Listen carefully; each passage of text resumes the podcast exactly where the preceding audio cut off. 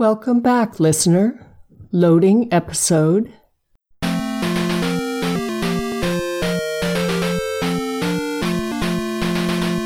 Loading completed. Enjoy your spell episode.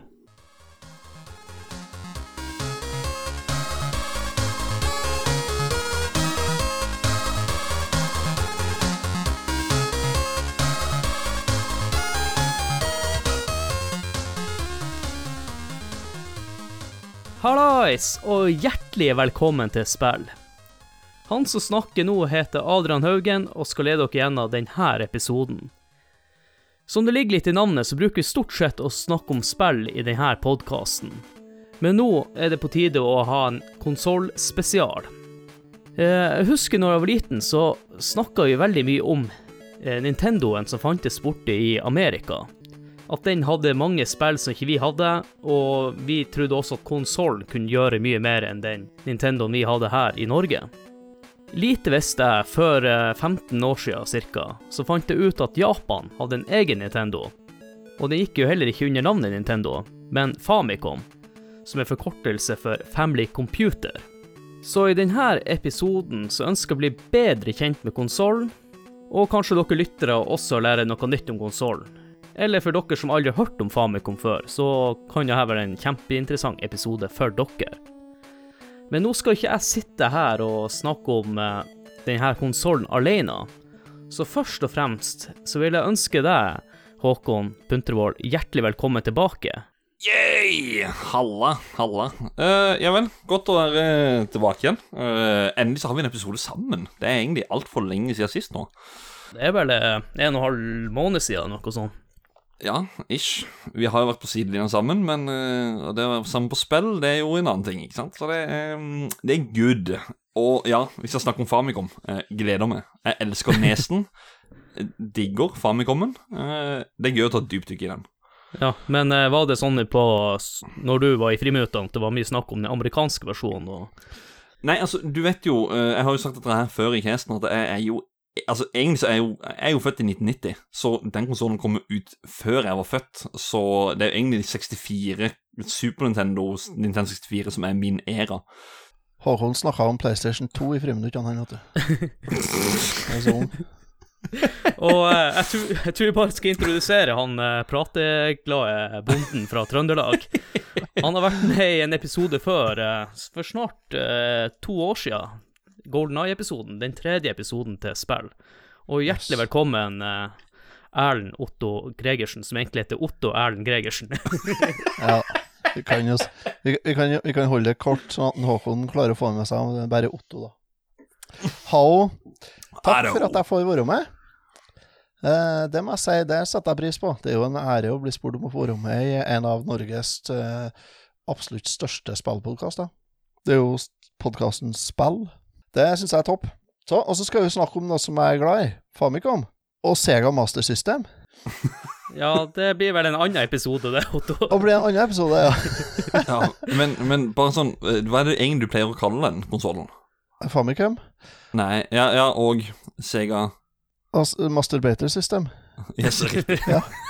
Som To dere hører, så er jeg en eh, forholdsvis ung herremann til sinns. Det er en ting eh, vi glemte når vi introduserte deg, siden du var så eh, trigger-happy. Det var jo at du kommer fra podkasten Retrotimen, som også snakker litt om eldre spill, sånn som oss. Ja, jeg gjør det. Eh, Jeg prøver jo fortvilet å snike inn litt god gammeldags 8-bits-gaming i retrotimen, og klarer det innimellom. Mm.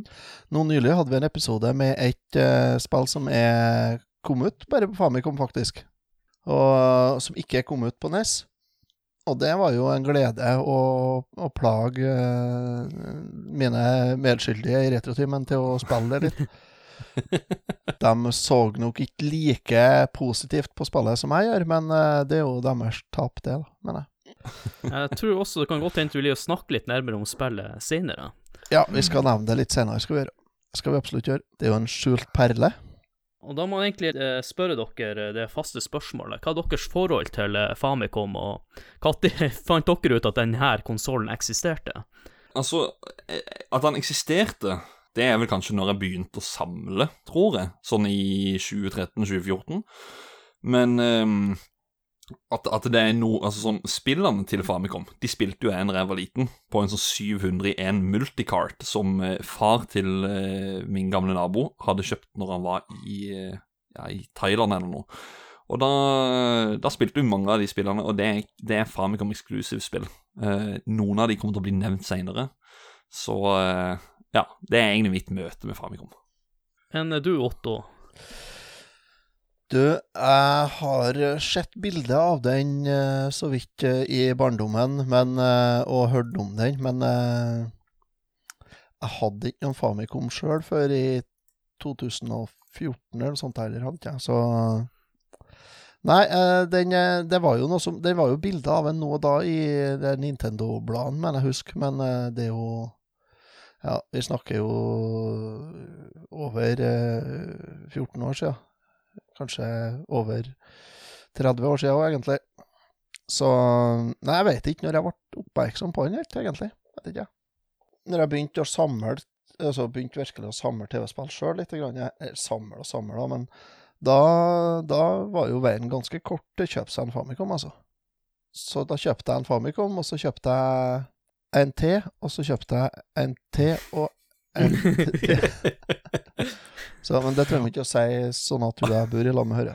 Så, men jeg har, jeg har et par Starten stykker. på sammenmanien. jeg, jeg liker den filosofien, for at, har ikke sett på han rikingen som gikk på VG-nett for ca. ti år siden. Ja. Han driver jo Oslo uh, Liftutleie. Og Ja. hans strategi var jeg kjøpte en, og så kjøpte en til, og så kjøpte en til, så når du nevnte det, så kom jeg til å tenke på han. Ja. Men bare at han blir jo rik, mens du ble litt fattigere, rett og slett. Ja, det er vel det som er forskjellen. Jeg hadde lite penger å tjene på å kjøpe Famicom. Er det. Veldig lite penger å tjene på å kjøpe uh, Generelt på å kjøpe TV-spillkonsoller, egentlig. Men uh, skal ikke tjene penger på alt det der, tenker jeg. Nei. Noe må en jo tape penger på. Ellers er det ikke artig. Og når vi først er inne på litt annen prat, så tenker vi kanskje går over til spalten vår som heter Få deg tømt. Boom! Det er på tide å få det tømt. Da skal vi få oss tømt, og Håkon, har du noe på hjertet? Du, selvfølgelig har jeg det. Eh, siden vi skulle snakke om Famicom, så vil jeg gjerne komme med en anbefaling. Jeg pleier som regel å rage litt, men eh, i dag så vil jeg komme med en anbefaling. Og det er så eh, til noe sånn eh, Altså da en, Insta, eh, en Instagram-konto ved navn retro underscore Eller understrek gaming. Retro understrek gaming. Det er ei uh, jente ved navn Heidi som samler på Famicom. Det er fanken meg noe av det sykeste en Famicom-samling har sett. Uh, svensk ei. Uh, sykt imponert over egentlig alt jeg ser på de bildene. Eh, er du en retrospillfan generelt, sjekk den ut. Men ikke minst sjekk ut den Famicom-samlinga si. Det er insane in the main brain, som de synger i Ja. Cypress Hill. Så hennes barn har jo en skikkelig arv. Hun går bort. Ja, eh, og når jeg faktisk var inne og så, tror jeg faktisk hun har fått seg en kid. Så det, hun hadde ikke kid før, sånn som jeg forsto det. Da var hun fri og frank, men eh, ja, ser ut som hun har fått gift og kid. da.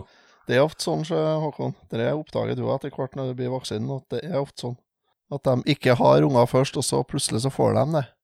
og så poff, og så pang, og så Ja, så sitter man der. Men det er jo sånn i verden at noen er heldigere enn andre. Han gutten her var kanskje litt heldigere enn andre med tanke på arv, så ja, nei, så retro underscore gaming på Instagram. Heidi der, altså. Svensk eh, Famicom-samler. Samler generelt på mye annet, men veldig kul konto. Ja, hun har helt enormt mye her, ja. Ja, det er latterlig. Latterlig sykt. Det er det. Jeg må si at jeg, pleier, jeg pleier å kjøpe to poser på retrospillmessa med spill. Så så jeg en sånn eh, film fra eh, retrospillsmessene med, med gaminggranner. Han bare Å, og fire poser, og jeg kommer sikkert til å kjøpe fire til. det er sånn OK, god damn. Det er noen som har det økonomiske mer på stell for sånt, sjø. Ja, det er akkurat det. Dyr, dyr hobby. Ja, det er en dyr hobby hvis du skal ta helt av sånn, ja. Og det er det Mm. absolutt. Så det prøver vi å la være. Ja. Nei, jeg tenkte jeg skulle uh, få meg tømt, jeg òg, da. Jeg er litt usikker på hva jeg skal snakke om, men jeg tror jeg går for uh, den gode gamle klassikeren med at uh, nå er det jo tross alt vært valg i USA. Så jeg vil Ja. si litt grann om utdanning og sånt der borti. Er ikke det på tide at noen begynner med litt folkeopplæring borti her, og begynner å lære bort folkeskikk? Til både politikere og menigmann, tenker jeg.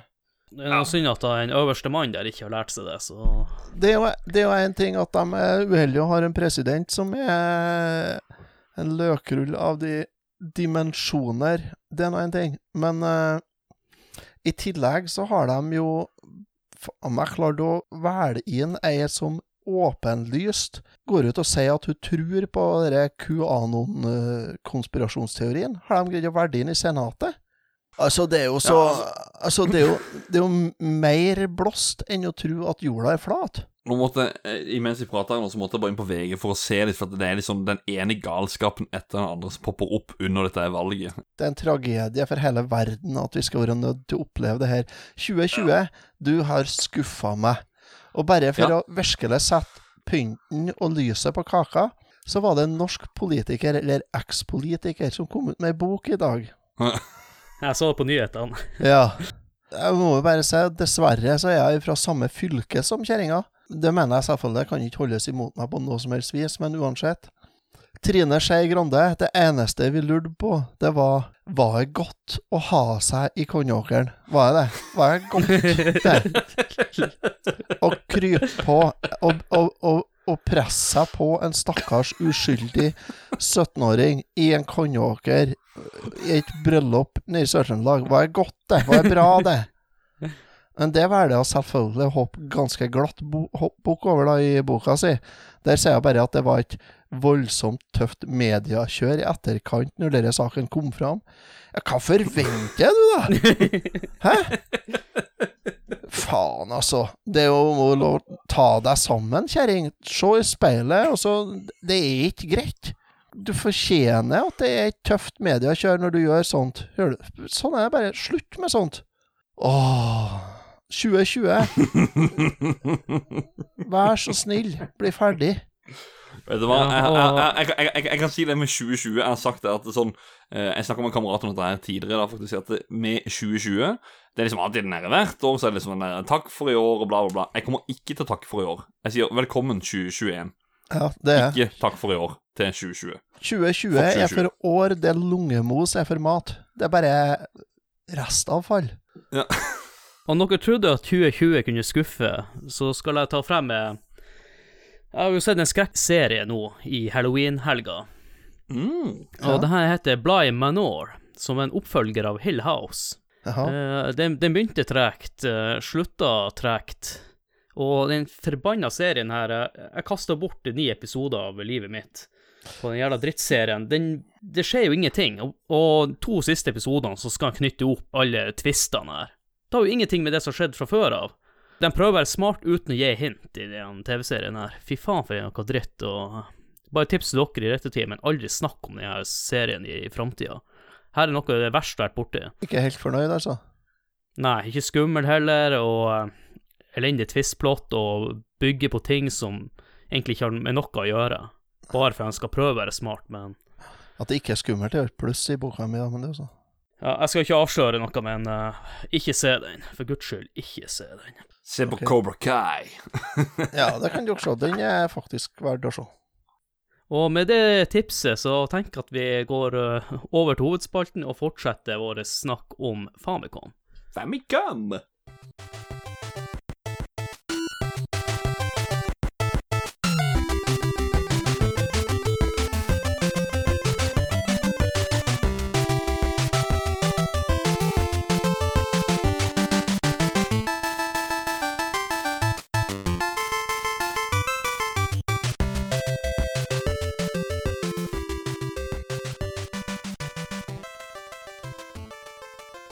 Før vi skal gå i dybden på Famicom, så tenker jeg det kan være greit å fortelle dere litt om bakgrunnshistoria til hvordan Famicomen ble til. På starten av 1980-tallet så gjorde Nintendo en stor suksess med arkadespillene sine, som mange kjenner Donkey Kong og Donkey Kong Junior blant annet. Og nå følte de rett og slett at de var klar for å ta steget ett steg videre, som var å komme seg inn på hjemmekonsollmarkedet. En av de her inspirasjonskildene var ColecoVision og deres kamp mot Atari. Eh, Nintendo var også veldig imponert over hva ColecoVision-systemet kunne gjøre, og deres evne til å produsere mer smooth grafikk i forhold til det Atari hadde klart med sine spill på denne tida. Nintendo de satte han eh, Masayuki Uamura med å designe det nye systemet, og prosjektet fikk først tittelnavnet Gamecon. Men eh, det var en dag han eh, Uemura var hjemme og fortalte kona om det nye prosjektet han var satt til å lede, og nevnte navnet. Kona likte ikke navnet helt, og hun kom med eget forslag. Siden denne maskinen skulle verken være en hjemmecomputer eller en personlig computer, så var det kanskje bedre å kalle den for en familiecomputer. Og Umaru var faktisk enig i det her, så han foreslo det her navnet videre til gruppa. De første planene for det nye systemet var at det skulle være en computer med avansert 16-bit-system, og tilbehøret som skulle følge med, besto av et keyboard og en floppy disk drive. Men denne planen ble forkasta når det skulle legge det fram for uh, presidenten i Nintendo, som var han Hiriesho Yamauchi. Fordi at han ønska et rimeligere system, og at systemet skulle være cartridge-basert. Han mente at eh, keyboards og floppy disker og alt det der ville skremme bort den vanlige værmannsen, og dermed være vanskeligere å selge til folk som han mente hadde mindre teknologisk innsikt. Han ville at denne skulle treffe massene. Når Nintendo skulle designe kontrollsystemet til maskinen, så tok de utgangspunkt i Game of Watch-maskiner. En av hovedgrunnene til dette var at Nintendo ønska først at eh, denne styrespaken skulle være en Arkade-joystick. De kjørte tester med denne, men de følte etter hvert at den eh, ville fort bli utsatt for skader og, og bli ødelagt. Så derfor så de heller på Game Watch, som hadde en D-pad, og kjørte en test på den, og de konkluderte ganske fort med at eh, D-paden var den beste løsninga. En liten fun fact er at jeg mener at Nintendo ikke hadde ordna en patent på denne løsninga, sånn at man så konsoller som Sega og mange andre på 80-tallet kopierte denne form for styrespake. Eh, Joystick-løsninga ble ikke helt forkasta, fordi de implementerte en 15-pins expansion-port i fronten på Famicomen, slik at vi kunne tilkoble en joystick til den. Når det kommer til fargevalget til konsollen, så blir det bestemt av han eh, Yamuchi etter han har vært rundt og kjørt. Så kjørte han forbi et uh, billboard-reklameskilt for DX Antenna, som et radioselskap på den tida, og logoen deres var rød og hvit. Men jeg har funnet ut i ettertid at det finnes flere historier bak det her, så vi må kanskje ta det med en liten klype salt. I oktober 1982 så var prototypen klar, og da var det med en gang å starte på arbeidet med å utvikle programmeringsverktøyene for å kunne lage spill til denne konsollen. Og det her var jo noe de var nødt til å finne opp sjøl, for det fantes ikke noen programmer fra før av. Så her var mye prøving og feiling.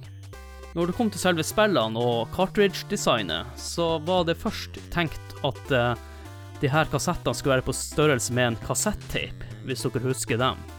Hovedgrunnen til at de endra designet, var at de var nødt til å forbedre konnektorene for de her konnektorene hadde vært forårsaka mye problemer for Arkadespillene. Så Nintendo endte opp til slutt med også å lage konnektorene sjøl til de nye cartridgene. 15.07.1983 så blir Family Computer sluppet ut i Japan, og prisen på konsollen var 14.800 igjen. Det tilsvarer ca. 1400 norske kroner på den tida, da. Det fulgte også med tre porter bestående av Donkey Kong, Donkey Kong Junior og Popeye som eh, lanseringsspill til konsoll. Eh, men eh, releasen etter hvert gikk ikke helt etter planen, siden chipsettet fuska. Så dette medførte jo at Nintendo måtte jo tilbakekalle alle konsollene sine. Og løsninga var at de bytta ut hovedkortene og lanserte konsollen på nytt. Så i 1984 så økte populariteten til Famicom veldig og var også det mest solgte konsollsystemet i Japan det året. Så en liten ting på slutten her. Faktisk så ble levetida til Famicom veldig lang. Og eh, systemet ble ikke offisielt avvikla før i 2003. Og ikke nok med det, reparasjonstjenestene for uh, Famicomen avhørte så sent som i 2007. OK, kan jeg, kan, kan jeg bare si avslutningsvis der, eller, eller bare bygge litt videre på det? Og hva, hvor, Hvordan er det med Wii U, egentlig? Og når var det Wii U kom ut? 2011? Aner ikke. 2012? Jo, 2012, tror jeg. Ja. Den er ferdig nå. Mm. Det er ikke gått Ja. ti år engang.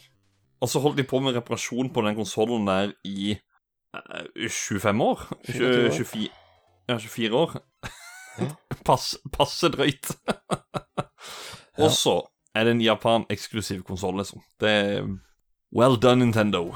You were a good guy. Eller de- dere, dere var gode. Dere er noen sleazeball nå, men vi er glad i dere uansett. ja. Det er ikke kommet inn av det. Nei, det er ikke det. Otto, var det noe nytt for deg, eller noe du har lyst til å kommentere? Nei, det eneste jeg har lyst til å legge til, det er at uh, det er enda en historie bak fargevalget. Jeg sendte dere et bilde nå, begge to.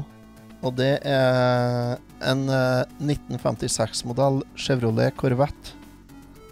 Cabriolet. Der, ja.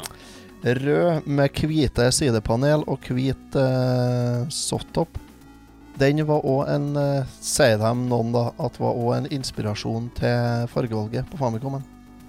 Rødt og hvitt. Nice. Så ja, det er Den er, det er en, det er en pen bil. Den historien der, den, det er så mange historier der ute, så Det det. man vet jo ikke helt hva som er sant. Nei, men sånn er det jo. Men så er det jo andre, andre ting. da. Du, du sier at den kom ut i, i 83, men eh, hele første generasjon som kom ut, ble jo faktisk eh, tilbakekalt og erstatta med nye maskiner.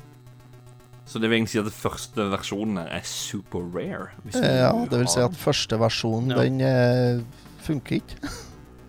Å ja, OK. Nei, nei, nei, selvfølgelig ikke. Herregud. For den eh, Den måtte eh, tas tilbake fordi at det var en feil med noe et eller annet i, på Ja, det var kretskortet. chipsettet som jeg nevnte. Så Men- hele den er borte. Men uh, ja. Og så kommer hun med tre spill, ja, som du sa. Det er jo litt lite, kanskje. Tre spill, men uh, husk på at uh, folk var jo vant med Pong-kloner som hadde bare ett spill her. Så Ja. det er klart, tre spill var jo når du kunne kjøpe flere spill. Og så visste jo folk at det kommer til å komme flere spill. Og det gjorde det jo. Ja, og så var det jo det her spill som folk var kjent med fra før av i Arkadehallene. Mm. Sånn at de visste jo at det her var en suksess når de eh, kjøpte konsollen, og fikk eh, de her spillene hjem i sin egen stue. Ja, de visste jo hva de fikk. Når du vet hva du, hva du får, så er det jo enkelt å kjøpe òg, liksom. Men eh, de første kartene som kom, de hadde jo ikke De hadde ikke grafikk på, på karten, vet du. Altså, de hadde ikke bilde og På label? Ja, på karten. Og likeens på Vent litt. Jeg skal se etter om jeg finner en, en komplett en. Det er bra radio. Kanskje vi klipper den lille pausen. Nei, men, men husker dere vet, dere vet dere hva de kaltes? Det første, første settet som kom, de første eh, 14 kartene som kom, de kom uten noe label på karten. De hadde bare en sånn eh, De hadde en enkel grafikk, bare. Kan jeg få få ti poeng hvis jeg har rett nå? Nei, du må få ett poeng. OK. Det er Pulse Line. Det stemmer. Ja. Og de er sweet. Ja, de har en sånn pulslinje. De hadde en uh, grafikk på på, på, på boksen. Der var det bare et sånn enkelt bilde av hva som spillet går ut på, liksom. Så sto det hva det spillet heter på japansk. Og så når du åpner og ser på karten, så er det bare sånn Det er sånn hjertemonitorlinje liksom som går bortover. En sånn uh, Mm. okay. Veldig Sånn gra graf, ja. Ja. Uh, det var 14 første spillene. De kom sånn, som Pulseline Cards. Og der er jo Det er jo et eh, lite sånn eh, samleobjekt, kan du si. Kom fra juli 83 og til oktober i 84. Da. En annen ting som er litt kult med kartene der, at det er jo at de ser helt annerledes ut enn de vi fikk i Europa og i USA. Ja, De er jo fargerike. Det er ikke de grå, gråe, kjedelige kartene. Og et annet design som kanskje ligner litt mer på Super Nintendo-kassetten. Ja, for det var jo det de skulle se ut som, egentlig. De skulle jo være på størrelse med en vanlig kassett, egentlig. Altså en sånn musikkassett.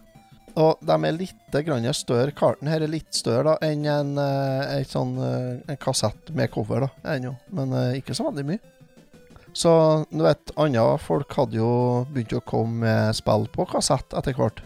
Og det gjorde jo for så vidt Nintendo òg. Eh, den skulle jo komme ut med kassettspiller i eh, USA, var jo planen. Kassettspiller og disk uh, diskettspiller. Men eh, de heldigvis så droppa de det, og droppa De skulle gi ut den med, med tastatur i USA. De droppa det jo heldigvis. Ja, jeg tenkte egentlig jeg skulle stikke innom det, for at når du nevnte det at Nintendos første plan var å komme ut med en, med en computer med 16-bit-system, eh, hvor det var da et, et tastatur og en floppy drive og sånt, så gjorde de jo det faktisk i USA. Det er jo prototypen til Nes. Det er jo tastatur, to kontrollere, en joystick, en zapper, og så er det en eh, kassettspiller. Ja, Kall det i samme gate som Commodore 64, Amiga Ja, sikkert prøvd å komme seg på det markedet, da. men den kom, eh, ikke, den kom ikke ut i USA sånn, gjorde den jo ikke. Men Nei. alt det der kom jo ut i Japan. Ja, som, ja, som, som eh, add-ons, og Ja, ja. det stikker vi innom seinere. Det, der skal vi snakke om litt forskjellig. Der er det mye artig, altså.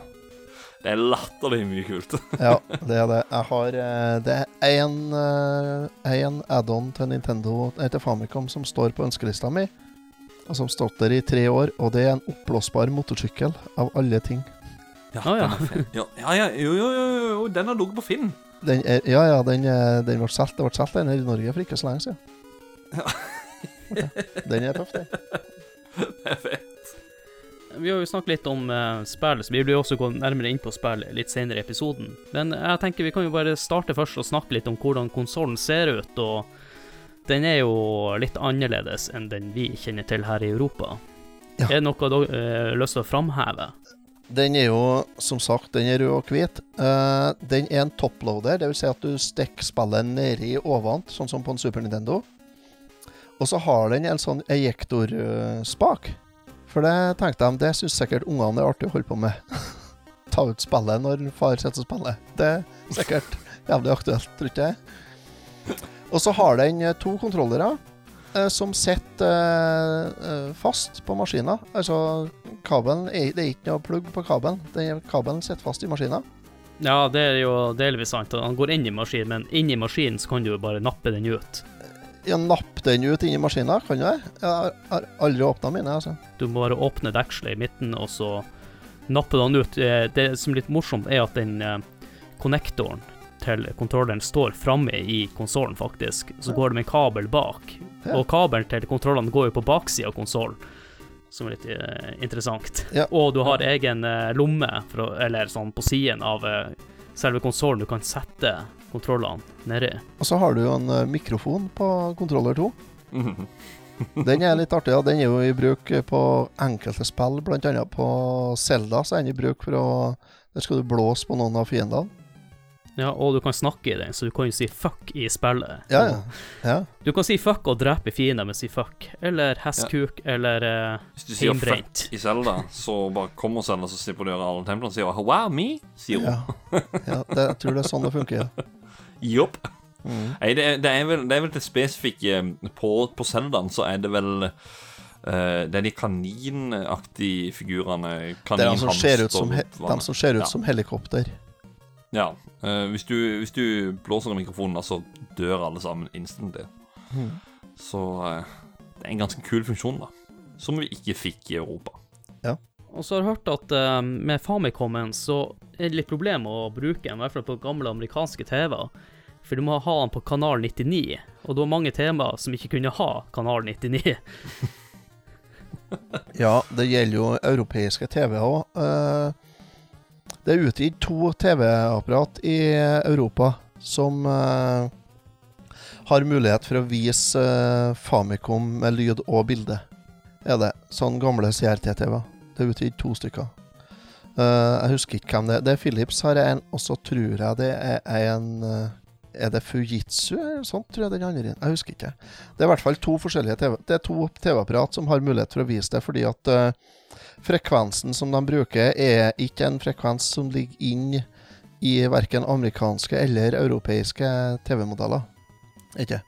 Sånn at på en vanlig pall kasse-TV så får du, eh, kan du få inn enten, lydle, eh, enten bilde, svart-hvitt bilde, eller lyd. Med Ja. den vanlige RF-antennekabelen.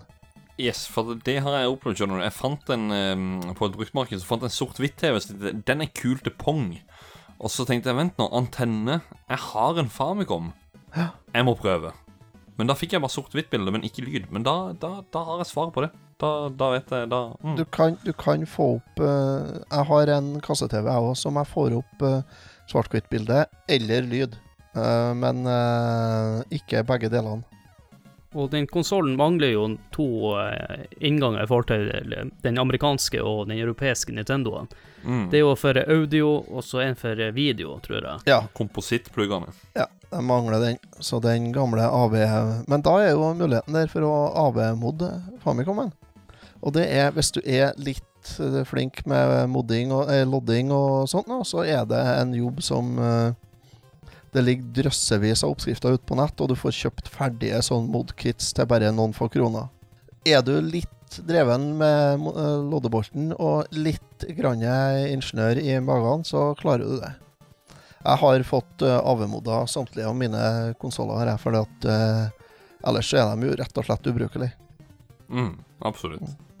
Det eneste Famicom-modellene jeg ikke har gjort noe med, det er den eh, Det er to Famicom-miniene mine. Ja, de er HDMI. Ja. Stemmer. ja. Er det noen andre forskjeller mellom det her, den europeiske som vi har, og Famicomen?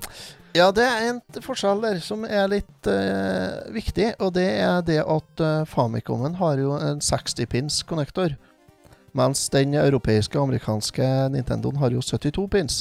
Ja. Det vil si at du kan ikke bruke et uh, Du kan ikke bruke spillene om hverandre uten en sånn overgang.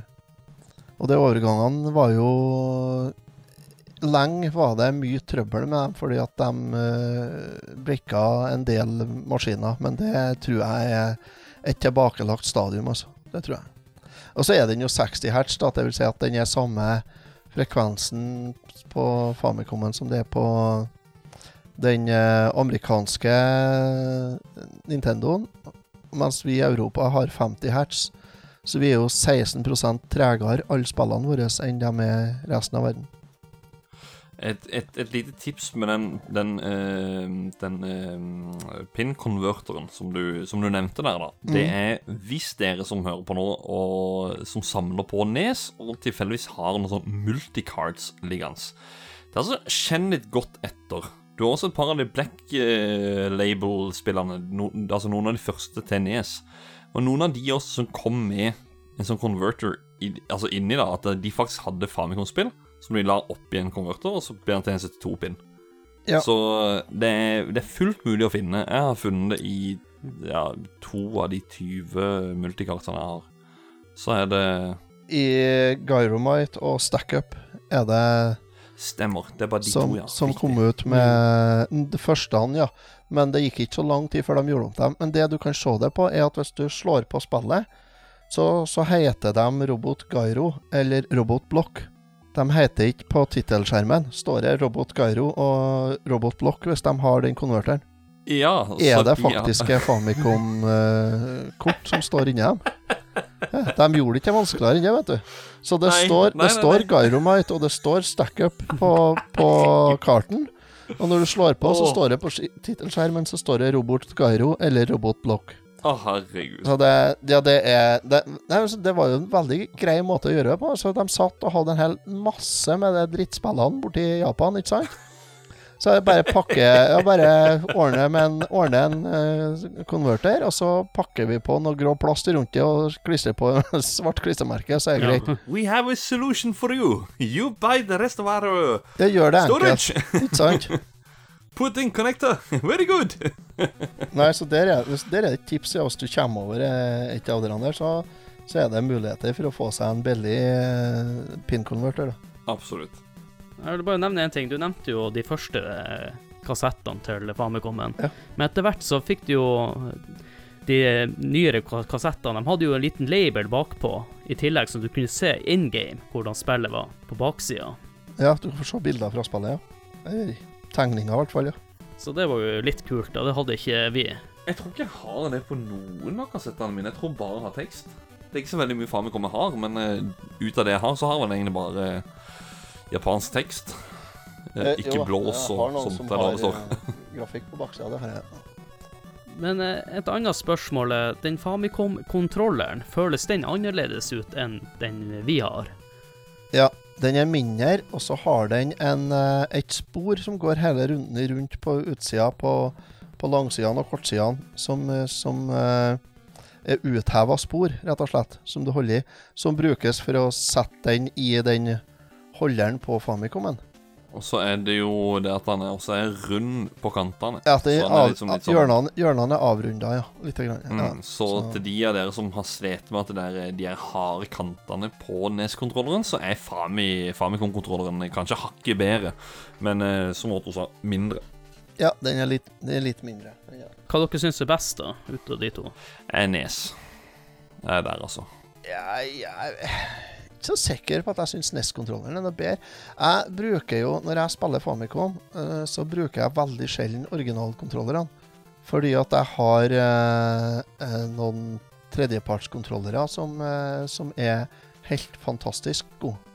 Som som jeg plugger i den 15-pinsporten som Adrian nevnte her i stad, i front på Og da har jeg forlengerkabel òg.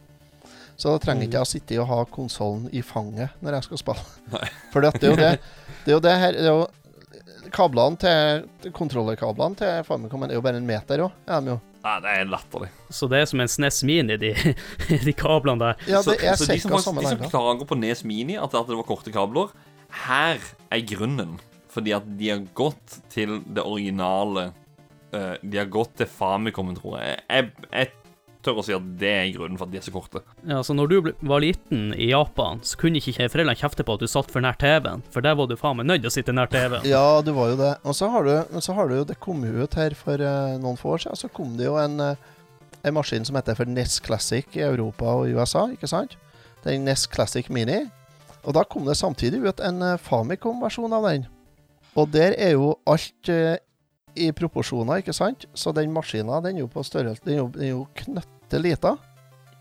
Jeg kan, eh, jeg kan sende noen bilder av den etterpå til, til, til spill, så dere får legge ut på sida deres med bilder av kontrollerne der, fordi at det- kontrollerne er jo proporsjonert til maskiner. Så de er jo bare De er jo bare Jeg vet ikke om de er 5-7 cm lang. De er knøttsmå. Ja, det husker jeg at du har sendt bilder av. At det er som Hva faen? Men de er overraskende lett å spille med, altså.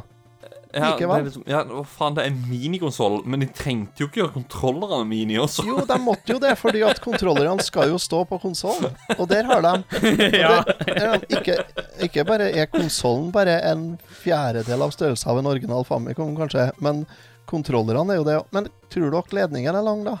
Nei, den er kanskje halvert, eller? Er, der er du kompis med den du spiller med, altså, for ellers så får du en halve sida. Den, den er ikke koronavennlig, eller peronivennlig, som vi sier her. I det hele tatt. Så der er du Det må være inni den samme kohort, ja. Du var inne på det, Otto, at eh, det er jo en forskjell på de konsollene. Fysisk så sier du at Famicomen er mye mindre enn Nessen. Ja, den er det. Den Er er. det noen uh, andre forskjeller? Ja, det er den 15-pins-kontrollerporten i framkant der da, som, du, som gjør at du kan koble til ekstrautstyr. Uh, blant annet lightfaceren, altså den, eh, den uh, lyspistolen. Som du har, den som ser ut som noe som de dumpa fra Star Trek til NES. Der Ja. har jo Famicom, altså japanerne, de gikk jo for en real life size Colt med brunt skjefte, en svart revolver med hane som kan spennes. Jeg er glad for ikke den kom til USA, for da hadde det gått mye liv tapt med politiet som er der borte. De tenkte jo å gi den ut i USA, men så kom jo Sega ut med en eh, med en svart light Så Den heter jo faktisk Lightfacer òg, og den, den ser heller ikke ut som en pistol. Men uh, den var det jo en som uh, faktisk brukte uh, En guttunge som brukte og sikta på politiet ute i hagene. Og så skjøt de gutten.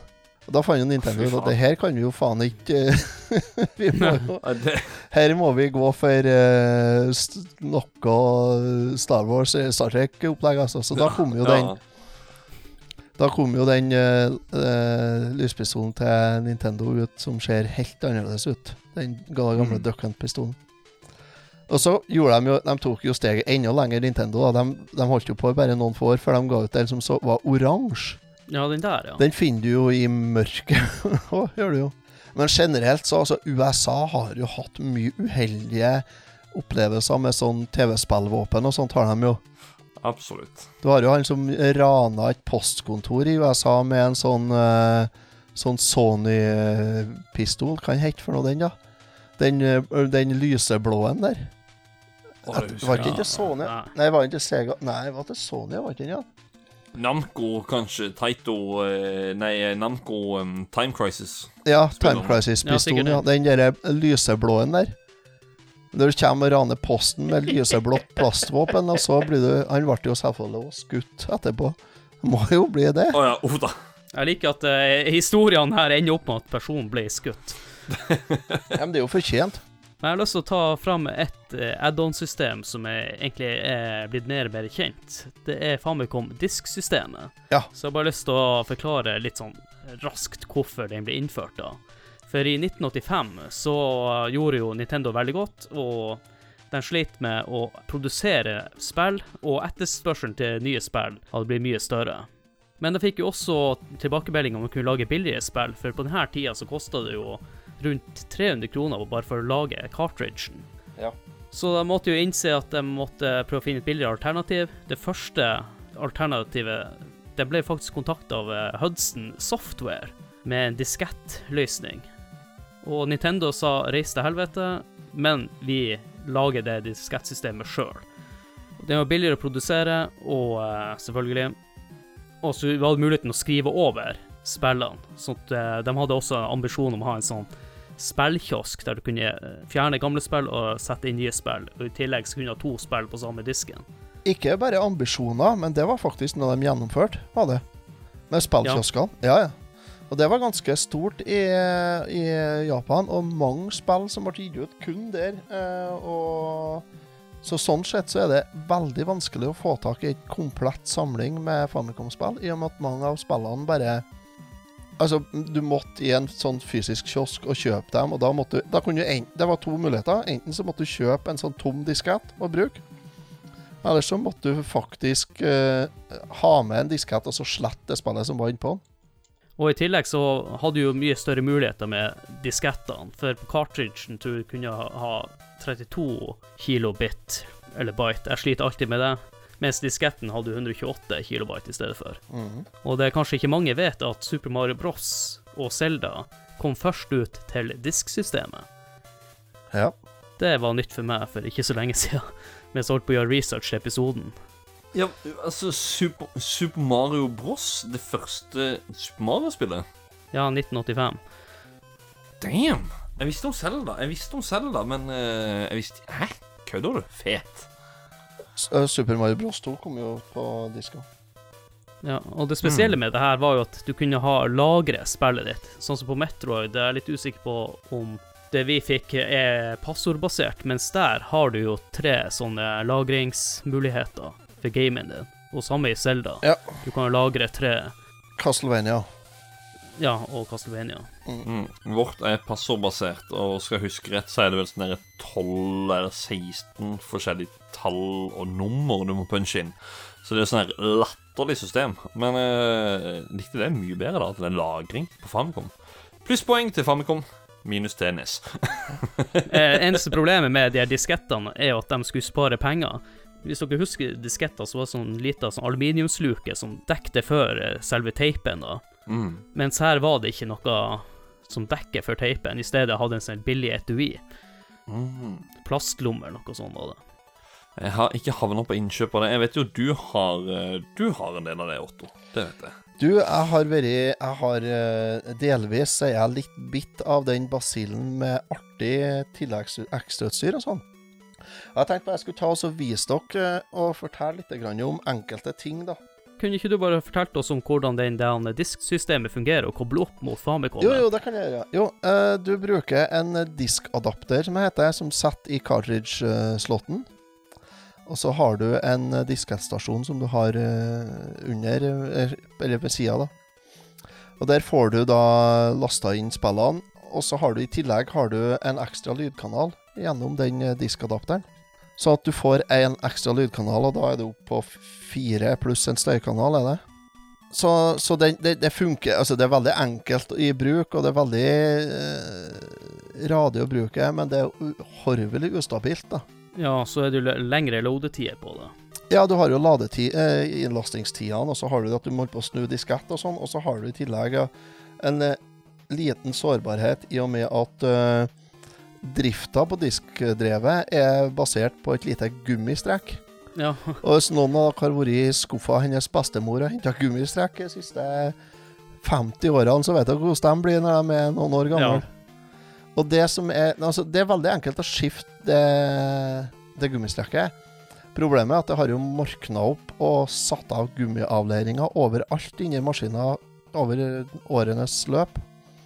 Så det er en fryktelig drittjobb på å vaske og fly opp det der. Jeg har eh, jeg har gjort det sjøl. Har bytta, bytta strekket på et par av mine disksystemer. Og det, det medfører en god del q-tips og sprit for å vaske, altså. Men det er, det er en enkel jobb, men den tar litt lang tid. Og så må du etterpå må du kalibrere eh, lesehodet. Og eh, eh, hastigheten. mm. Og der er utfordringa ligger, er det. Men eh, det går. Men eh, hvis du bruker en par timer på det, så får du eh, fort det, altså. Gjør du. Ja, så vil jeg nevne en annen ting som var litt spesielt med de her diskettene, er at musikken på spillene er litt annerledes. Mm. Til Zelda og Metroid og Ja, det er jo fordi at du har den ekstra lydkanalen. Kan jeg bare si, apropos musikk, så må jeg bare Jeg bare nødt til å bare fyre av en her nå. Eh, Det er det Nesen ikke hadde, Famicom ikke hadde, men du fikk det med disksystem. Det er denne badboyen her.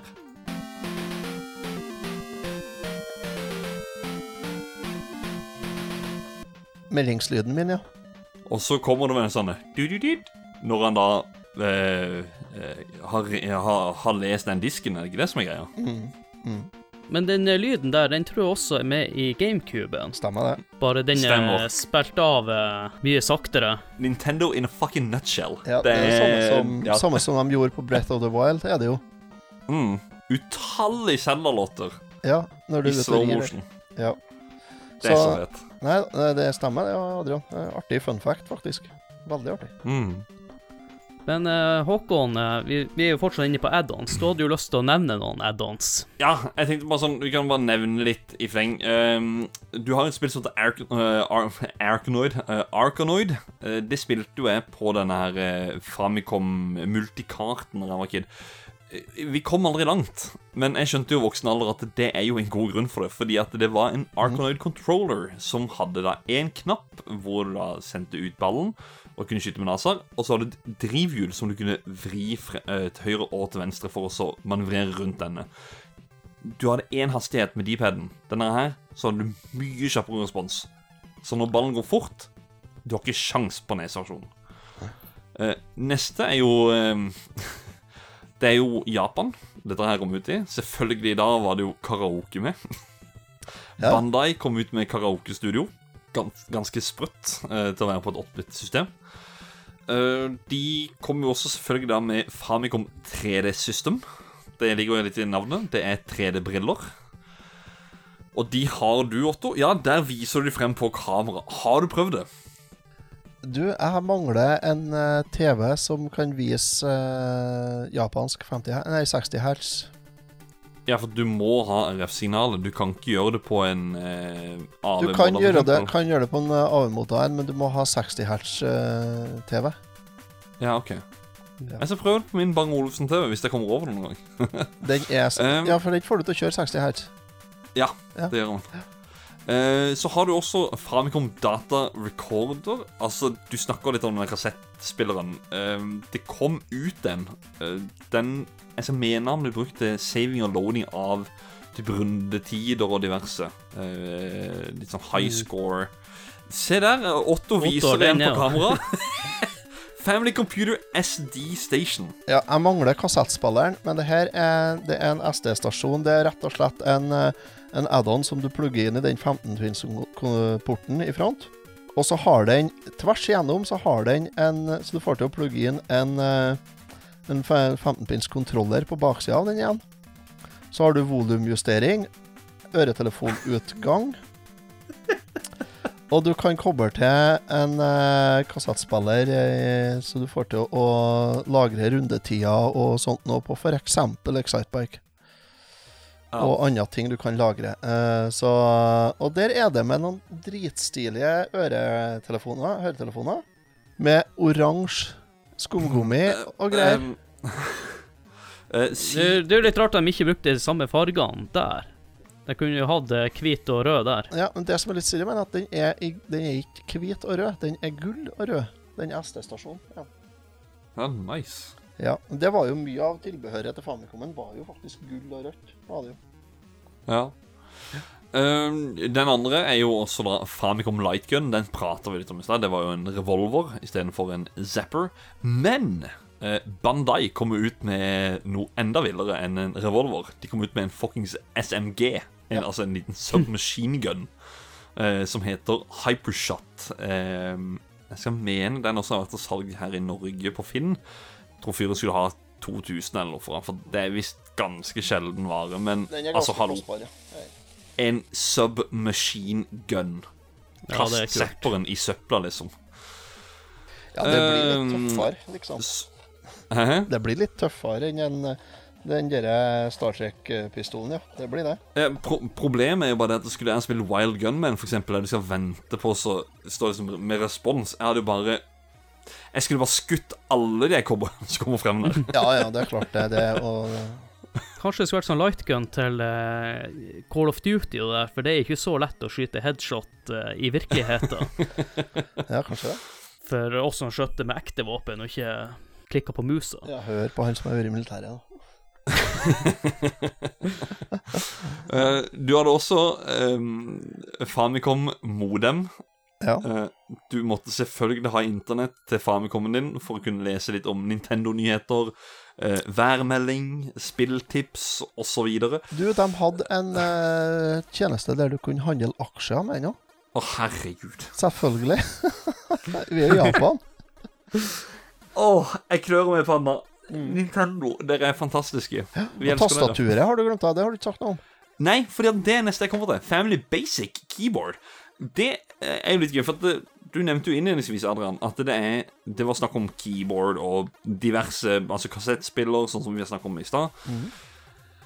Basic Keyboard, det så jeg før opptak at du har, Otto. Ja. Um, der med, er, det en cartridge du legger i for å få softwaren til å fungere, som heter Basic Family, eller noe? ikke? Ja, stemmer det. Det er en basic family. Ja. Det, det du kan gjøre med er at du kan programmere i basic.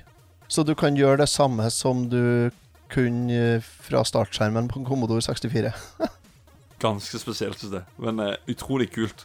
Jeg vet at han har fire forskjellige typer sånn kategorier, eh, eller, eller fire forskjellige ting. da uh, Du har Music Basic, hvor du kan lage musikk.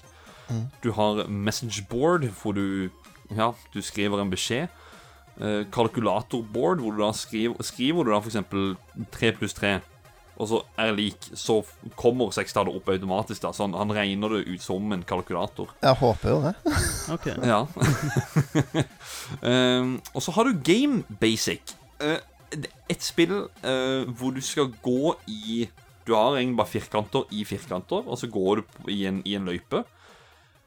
Du har de krabbene ifra uh, Super Mario Bros. De Eller, nei, ifra Mario Bros, Arkadespillet. De krabbene er fiendene. Og så skal du liksom gå og finne tallet 1, og så tallet 2, 3, 4, 5, 6, 7, 8, 9, 10. Men karakteren du spiller, er jo ifra spillet Binary Land, men med fargeendring på sprite. Når jeg så Fordi jeg snakka med Adrian, og da var jeg sånn Hæ? What? Hva er dette her for noe? For jeg kjente igjen alt sammen. Men jeg skjønte ikke hvor det var ifra. Men Så de har henta sprites, endra litt på fargene, og så har de gjort det om til et lite spill, da. Og det er litt artig da å se at de faktisk har brukt eh, fargeendring på Binary Land. eh, Det nydelige, nydelige med den eh, Family Basic-tastaturet er jo det at fargene er holdt i Famicom-fargene hvitt og rødt med gråe en del gråe knapper. Ja. De vanlige bokstavene er grått, og så eh, F-tastene og de fancy tastene er i rødt, og selve tastaturet er i hvitt, for dere som ikke ser det han Otto viser til oss. Ja, Kan jeg spørre deg hva en som ligger i pris, Otto? Vet du det? Nei. Nei, vet, vet du hva du betalte? Svaret er nei. Du, jeg Nei. husker ikke hva jeg betalte. Uh, nei, jeg kjøpte uh, Jeg betalte ikke så mye for det, nei. Jeg tror det var noen få hundrelapper. Nei. Ja. Jeg kom over eh, ganske billig. Jeg kjøpte Jeg bruker ikke å kjøpe eh, hvis jeg ikke kommer over et varp. Gjør jeg ikke. Men en annen gangen så kommer du over eh, en god deal, og da bruker jeg ofte å slå til, hvis jeg har penger, da. Nei, så det, det er en nydelig tastatur. Jeg har aldri kobla opp det og prøvd det sjøl, faktisk. Nei, det er jo bare japansk, så Men eh, til de av dere som er nysgjerrige, så vet det finnes eh, det- eh, patcha versjoner som gjør at du har engelsk tale i spillet, så du kan skrive på engelsk og, og diverse. Og i en emulator så kan du bruke det som kontroller. Det er jo engelske, Så det er jo vanlige bokstaver på tastaturet. Er det? Å, er det det, ja? Ja, ja. Herregud, mann, får du plugga på? ja, det, ja. ja, kanskje det. En dag. En vakker dag. Ta altså Kode det et NES-spill, eller et Famicom-spill. Det ikke kode 64-spill. Ta, ta et Commodore 64-spill. Ta Giant Sisters på, på Famicom. Lettere. Men siste jeg ville nevne, det er eh, Han er kjent som Altså, det er Sharp som ga han ut. eh, så han går under navnet Sharp Nintendo Television. Men i Japan så kommer han ut som My Computer TVC1. Eh, I USA så kommer han også ut til, til Nesen. Um, da er det bare C1 Nes TV. Den kom ut i 1983. Eh, det er rett og slett en TV med innbygd Famicom. Hvor Ja. du dytter inn en cartridge på front. På samme måte som de TV med VHS-kassettspiller er integrert, som kom på slutten av 90-tallet. Ja. Ja. Og eh, kontrollen er Jeg vet ikke om den er noe lik Nesen, men han, ah, han er ikke Det er ikke en identisk til den vanlige Er ikke den dogbone-kontrolleren som er med der, da? Å, Jeg husker ikke, Jeg lurer på om ikke er det faktisk. ja. Nei, Men, men det, er, det, er det er verken vanlig Nes eller vanlig Famicom. Nei. Det er en annen type kontroller. Altså sånn Jo, noenlunde likt, det er han, men, men det er et annet type design, farge og sånt, da.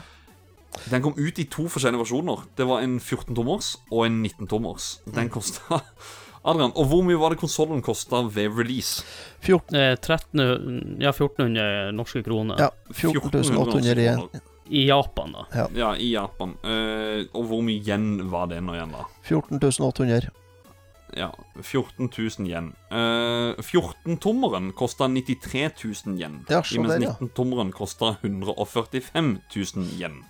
Akkurat. Ja, de 93 000 yen eh, Jeg måtte gå inn på, på, eh, på valutakalkulator, og det tilsvarer 8300 i dag. På inflasjonskalkulator så snakker vi 21 000. Ja. Eh, 19-tommeren den går jo fra 145 000 yen til 13 000. Inflasjonskalkulatoren sier 32 800. Men du, hva kosta det for en 19-toms TV på den tida? Det må du ta med i bildet, vet du. Ja, det. Der, ja, det er egentlig et godt poeng, da. Fordi jeg vet at Bang Olufsen-TV-ene De kosta jo fank... Altså, de eh, 22-tommerne til Bang Olufsen De kunne jo fort koste 15 000-20 000, de, altså. Du, så du må ta med det i, i regnestykket her òg, hvis du skal kjøpe Og du kan jo si hvis du skal kjøpe en, en ny konsoll nå, og du skal kjøpe en ny TV, mm. så du passerer 15 000 fort da òg. Gjør du jo. ja, ja du gjør det, i grunnen. Og her får du jo faen meg komme med på kjøpet. Ja, altså 19-toms TV i 83, det var ikke så verst. Ja. Men det skal også sies at det er eh, Disse TV-ene var jo litt spesielle. Jeg skal ikke gå så veldig i dybden, for jeg har ikke så uh, superpeiling på det. Men det er eh, sånn som nå til dags altså, Jeg har jo RGB-modda min Nes for å få det desidert beste bildet til en kasse-TV. Mm. det var innebygd i den TV-en til å så få bygd ut Eller til, til å sende ut et RGB-signal. Så de bildene du ser i typ sånn Nintendo-magasinet som er screenshot av spill, det er gjerne tatt kamera på den TV-en pga. responstida var ekstremt god på de Sharp-TV-ene. Så uh, du får ikke de her sorte flimre-greiene som alle andre fikk, og uh, han gikk vel opp til noe eh, hakket opp til RGB-signal eller et eller annet. Det var i hvert fall mye bedre enn det du ellers fikk på mm. typ RGB, da. Nei, på RF-antennesignal. Ja. Nei, utrolig, utrolig kule TV også. Rødt design. Eh, litt sånn som eh, de andre tingene vi har snakka om her, sånn med Family Basic, at de beholder den hvite-røde der Famicom-fargesjarmen, da. Mm. Ja, det kommer jo med ufattelig mange add-ons, men jeg tror Ja. ikke vi skal nevne absolutt alle, for da blir det sittende her hele Jeg, er bare ett- Ja. kveld. jeg har én ting til jeg vil nevne, og det er hvis du skal kjøpe deg en Famicom, eller du har en Famicom og spiller på den, så kjøp deg en eh, Hori Commander kontroller. Ja. Mm. Den er eh, Jeg viste den fram til dere guttene i studio her i stad. Mm. Eh, den er helt nydelig å spille med, og den har en D-pad som er vel så bra som Famicom sin, og den har samme gummien. Sånn at hvis du skal pusse opp den, så er det samme reservedelene skal si, du bruker på den som du bruker på andre kontrollere. Ja. En, en ekstra ting er at han, han er jo bua på toppen også. Er så det er sånn, du får mye mer i- Sånn i hvert fall til, til voksne hender nå, så vil jeg si du får mye bedre grip, da. Ja. Se, ser det ut som Jeg jeg har ikke prøvd den, men han så mye mer behagelig ut å spille med. Nydelig å holde i og spille med. Her. Plugges inn i den 15-pins-porten i front. Og eh, jeg tenker vi har jo snakket litt om add-ons nå. Jeg tenkte vi skulle ta en kjapp eh, snakk om eh, noen Famicom-spill du har lyst til å trekke fram. Oh! Jeg tenkte jeg skulle begynne, for jeg har ikke så mye å meddele her. Eh, jeg nevnte jo tidlig i episoden at jeg blir å nevne et spill som han Otto nevnte litt i stad, som dere snakker om i Retrotimen, som er Boku Dracula-kuen, også kjent som Kid Dracula. Ja. Så eh, jeg skal bare nevne fort, eh, hvis dere har lyst til å bli bedre kjent med spillet, så gjerne sjekk ut Retrotimens episode der, sånn at det holder min forklaring kort. Men eh, det er i hvert fall en cartoonish Castlevania. Det er litt sn eller snillere Castlevania, rett og slett. Ja, det er jo det.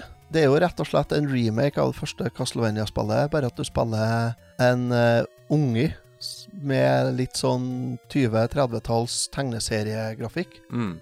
Og det, det er egentlig mange ut av de Famicom-spillene som kjører denne stilen, med litt sånn cartoonish, eh, barnslige takes, sånn som Splatterhouse. Her har du også en sånn Splatterhouse-person.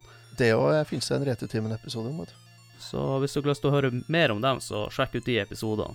Eh, en ting jeg har lyst til å trekke fram eh, som jeg ikke har spilt, men som så veldig kult ut, det er Ghostbusters 2 som jeg fikk i Japan, og ikke den driten vi fikk her i Europa. Ja. Ja, her, her kan du faktisk spille alle fire Ghostbustersene i tillegg til kontordama. Han Nå ser jeg på det ene møkkaspillet vi fikk i hylla mi her. Fytti grisen. Jeg har faktisk aldri testa det. jeg bare vet det er drit.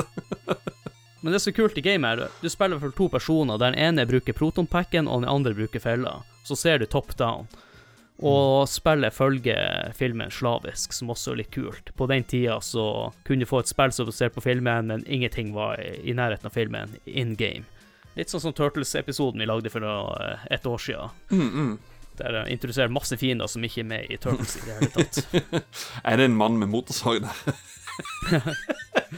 Men uh, Otto, er det noen spill du har lyst til å trekke frem uh, en to stykk, ja. tenker jeg? Jeg skal ta et eh, Jeg snakka om så vidt i stad, et som heter Pizza Pop. Det har vi jo òg det laga en, det har vi også laget en episode om i Retrotimen, så eh, Den er ganske ny, den episoden. Hæ? Ja, den er ganske ny. Det er ikke så lenge siden den kom ut, nei. Uh, det er et spill som jeg anbefaler folk å prøve, for det er faktisk uh, Til tross for at Eller på, uh, Jo, til tross, ja. For at du har en hitbox som ikke ligner grisen. Den er helt elendig. Så er spillet artig og lett og fint å spille. Er det. det andre spillet jeg har lyst til å nevne, er en, eh, et spill som er for spesielt interesserte. Det var aldri noe som helst grunn for at det skulle komme ut noen andre plass enn i Japan heller. Det heter Popeye no Eigo Asabi. Som dere skjønner, så er det Popeye, det er skipperen. Spillet er et undervisningsspill som er laga for å lære japanske unger engelsk. Hva flirer du? Når du sa Popeye, så tenkte jeg ok, vet du hva? Det kommer et eller annet sånn Det er sånn eh, plattformer Jeg glemte egentlig at du sa det, at det, liksom, det, det ga ikke mening at det skulle bli gitt ut utenfor Japan, da. Ja, nei. Men se, selvfølgelig er det et education Popeye-spill. Ja da, det er det. Og det her er det, det går på uh, Det baserer seg på det, det Popeye-spillet som, uh, som også kom ut på NES. Som uh, jo er Åh. Som ikke er så veldig avansert, men det baserer seg litt på det. Eneste forskjellen kan du si at du kan ikke dø så fort her. Og i stedet for å fange hjerter, kan du si, som Olivia kaster ut, eller som det heter på engelsk, olive oil, altså Mhm. olivenolje. Ja. Her skal du fange bokstaver, og så skal du sette i hop bokstavene for å stave ord. Ja. Det, det, det er ganske lett for oss, det her i Europa, eller i, i, i lille, kjære Norge. Bortsett fra det at du er nødt til å kan japansk for å forstå hvilket ord du skal stave. Fordi at eh, det ordet du skal skrive, det kommer opp på japansk på sida. Og så skal du fange de rette bokstavene, og så stave det ordet på engelsk. Sånn at hvis du ikke kan katakana, altså det enkle japanske skriftspråket, så blir det ikke noe tåre. Så jeg har det, og har testa det så vidt, og det er Det er helt sikkert kjempeartig hvis du er japansk og kan japansk. Ja. Det er ikke helt sikkert, men det kan hende. Så, men det var i hvert fall Det ble, det ble laga for at jeg skulle lære unger engelsk. Og det, det er jo ikke så dumt et formål, da. Og de har jo De har jo et spill til som kom ut eh, noe samtidig, som gikk på matematikk. Som heter Donkey Kong Junior Math, Math rett og slett bare. Det kom ut i 1986 på, på Nessen. Det kom ut i 1983 på Famikongen. Det er matematikk, da, du skal holde på med her. Å, fysj. Å, det, ah, det spillet er faktisk uh, med på Animal Crossing på GameCube. Å, oh, nei. ja. Uh, jeg, må, jeg må jo faktisk si at som versus mode, uh, da har jo uh, kjente youtuberen Pat DNES Punk Han har jo På hans sine paneler så har han faktisk bare hatt konkurranse i det. Du har versus. OK, du har Ja, altså, du har et regnestykke. Da skal du plukke frem tallene for å få det riktige regnestykket. da. Eh, så han har hatt mye konkurranser i det. Det er ganske vittig. Mm. Håkon, hvilket spill du har lyst til å trekke frem? Du, jeg har tatt med meg tre stykk. Uh, The Goonies, uh, det første. Vi fikk Goonies 2 her. Uh, Konami kom ut med actionplattformer, samme gate. Litt lettere, eh, tynnere sprites. Eh, jeg har forstått som at folk irriterer seg over at Goonies 2 er utrolig vanskelig. Her er det, her er det ikke noe Det er gå A til B, og så finn nøkler og sånne ting. Det er ikke noe mer hokus pokus enn det. Eh, jeg må jo si fun fact er jo det at eh, mitt første møte med The Goonies er faktisk dette spillet. Ja? Fordi at det var ikke på tidlig 2000 at eh, jeg satt oppe hos min mormor i Skien, og så plutselig hører jeg Cindy Lauper synge på den sangen på en, på en film som gikk på TV Norge midt på dagen. Jeg bare Hæ? OK? Det er jo den der Goonies-sangen. Det er jo fra Goonies-spillet som vi spilte på 701-spillkassetten. Mm, Så mitt møte med Goonies er jo ulikt Jeg tør å si ulikt alle andre her i Norge. Det er utvilsomt eh, at det er så, særlig mange andre som har det møtet med, med, med Goonies, eller det som første møte, da. Og ingen er overraska over det. Den her 701 spillkassetten har gjort så jækla mye når det kommer til Nes, eh, for min del.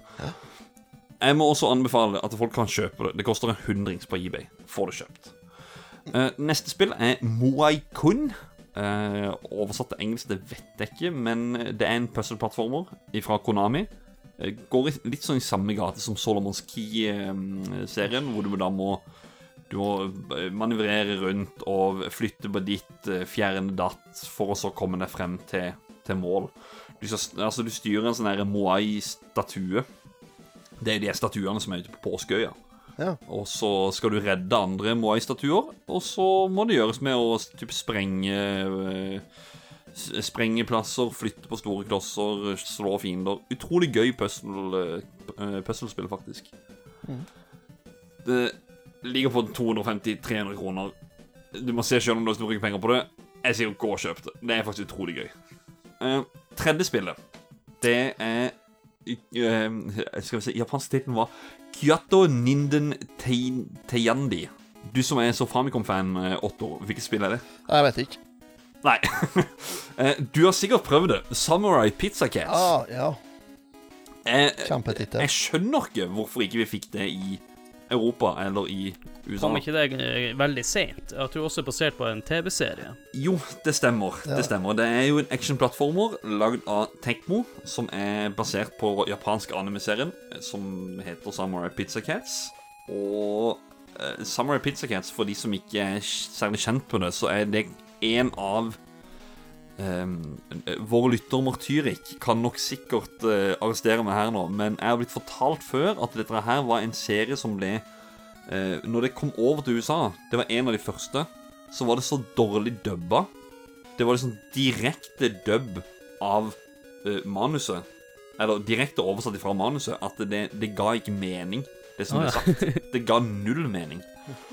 Eh, det spillet da, du, du kan spille mellom eh, tre forskjellige eh, katter. Det, som du har forstått det, det er jo cats. De har bare special abilities som er forskjell. Men du kan også ha Du har tre katter som du kan gå inn på pausemenyen og velge. Som har Den ene kan fly, den ene kan slå gjennom store steiner, og den andre kan grave i jord. Så du ender alltid opp med å bruke den ene eller den andre. Uh, utrolig gøy plattformspill. Eh, føler meg ganske lucky med å si at jeg fikk det på en sånn bundle til 200 kroner. For det heter spillet i seg sjøl bare går for sånn 400-500, så det er et dyrt spill. Så jeg anbefaler å gå for emulator, og hvis du virkelig likte det, gå så kjøp det på eBay. Det er 400-500. Dyrt, men bra. Vi kan jo si at vi kan ikke oppfordre til emulator i en sånn her podkast. Nei, nei, nei. Det, det finnes der ute, den muligheten. Eh, Tra- Vi anbefaler det ikke, men eh, dere gjør som dere vil. Training mode, som de sier. Ja. Absolutt. Nei, altså, det var de tre. Det var de tre. Det er bra. Jeg tenkte jeg skulle stille et lite spørsmål på slutten før vi runder av hovedspalten. Eh, Otto, er de dyr Famicomene, og er det noe du anbefaler folk å få tak i? Eller eh, er det vanskelig å få spilt Famicom? Du, en, eh, hvis du først skal kjøpe en Famicom, så vil jeg si det at eh, gå for enten kjøp en som er ferdig AV-modda, eller eh, snakk med en venn som kan uh, modde en for deg. Men eh, en ferdig AV-modda, testa Famicom Ja, mellom 350 og 600 kroner for en uh, fin en. Med Mm. frakt fra Japan. Nei, jeg sitter faktisk og ser på en eh, Jeg måtte bare bla opp eBay nå. Eh, Jeg ser en på 42 dollar. eh, altså 391. Det er free shipping. Den er AV-modda, og eh, som jeg syns er litt sjarmerende med disse Famicomene, det er jo det at eh, det fins drøssevis av de på, på eBay. Ja. Og det er veldig mange av de som har gulna. Du må ha det gule freget på. ja, så Famicomene i dag er gul og litt sånn Ja, de er gul, gul og rød. Ja. Min, min, min er veldig slitt. Den er, det, er, det er bare sjarm, det. Det er bare kult. Nei, mine også ser ikke ut, men det funker, og da er jeg fornøyd. det. Nei, Jeg ser flere her. Det er masse masse sånn Men en 500-lapp, så har du så har du Famicom en uh, hjem til Norge. Da, det selvfølgelig kommer jo toll, eh, ikke toll, men moms på den, ja, men det må du regne med uansett. Så. Men så koster jo spillene som regel bare en uh, kanskje halvparten av hva det koster for NES-spill. Ja, og husker jeg rett, det var vel også derfor at du også begynte med Famicom, for det, det er jo det samme. Ja, det er det samme. Også, Og så, ja, det er det samme, og spillene var mye billigere. Og så kan du kjøpe en bundle Ja. med 30 spill til 400 kroner, ikke sant? Mm. Da får du jo selvfølgelig 28 baseballspill og to bra spill, men Ja. det er jo så. Må begynne en plass. Ja, du må jo begynne en plass, og så er jo baseball er jo artig, det, eh, til en viss grad. Ja. Så, og det er jo de samme spillene, som du sier, og det, men du får spille med original hastighet, da, og Og så er den jo nydelig. Den er jo et nydelig lite møbel, Faen meg om den. Det er jo ikke den nesten. Det er jo den grå boksen. Den er jo dritkjedelig, men den eh, nydelige lille røde hvite, den er jo en herlig. ja nesten, nesten skulle det jo være litt sånn VHS-designaktig. Litt sånn at han skulle passe inn i TV-benken. Så Og når vi snakker om utseende og design og sånne ting, så tenk at vi rett og slett kan gå over til å rate konsollen. oh, yeah!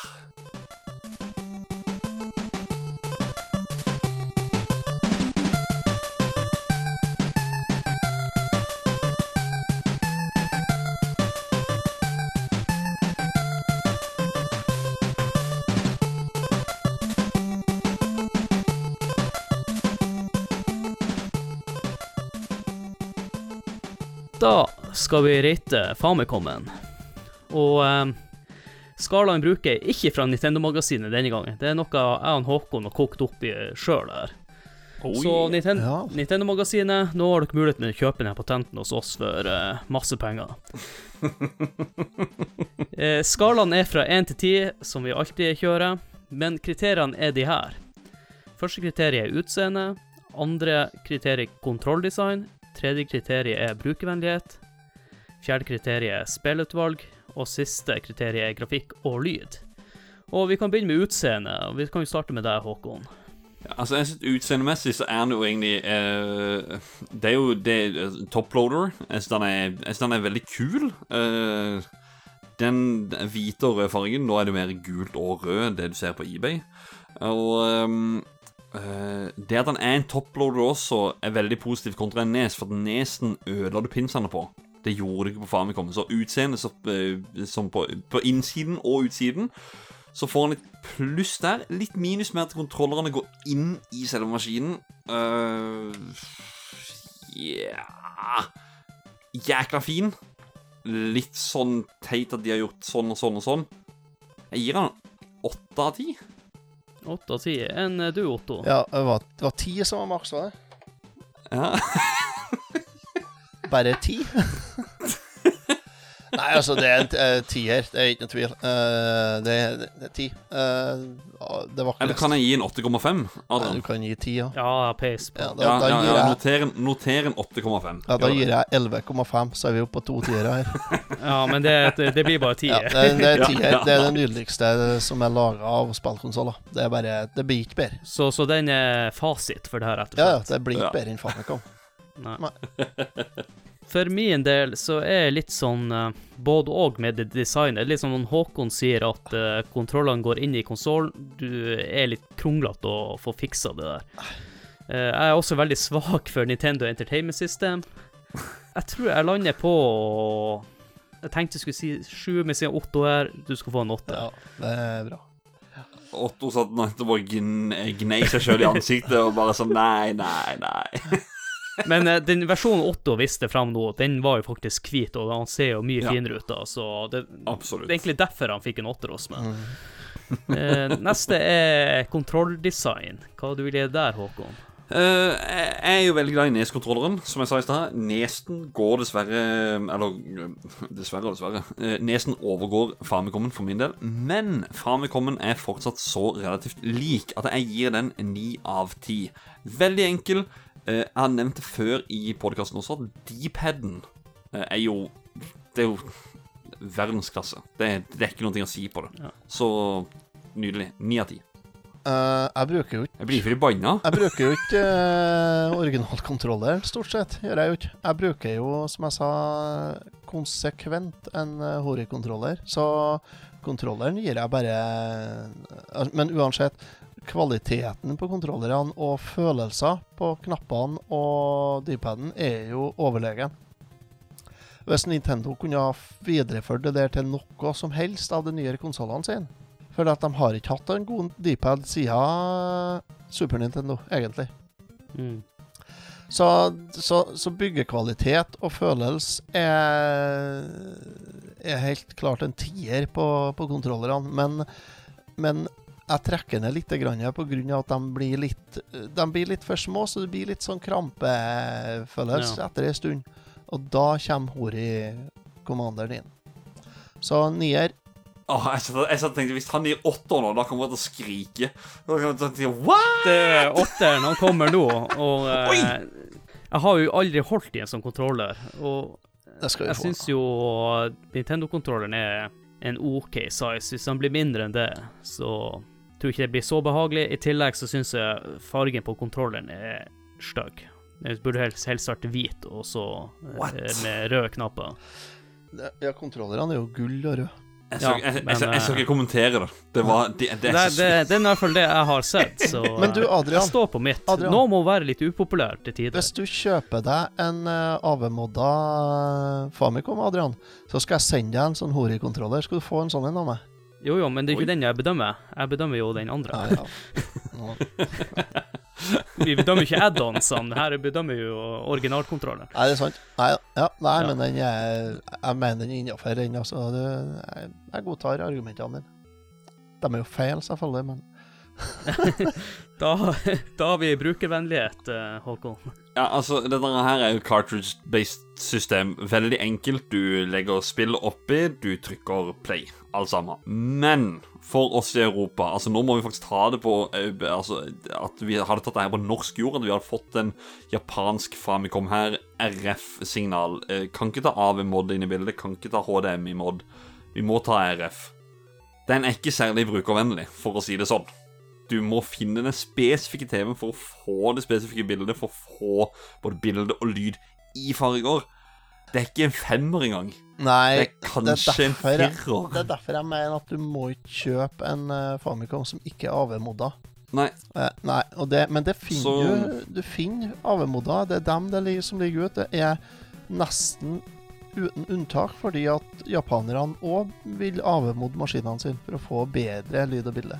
En original konsoll så gir han faktisk fire av ti. Fordi han er enkel å koble til, eh, han er enkel å starte opp og alt sammen. Du skjønner alt sammen. Det står på japansk. Du skjønner alt. Men det er bare det å finne det bildet gjør det utrolig vanskelig.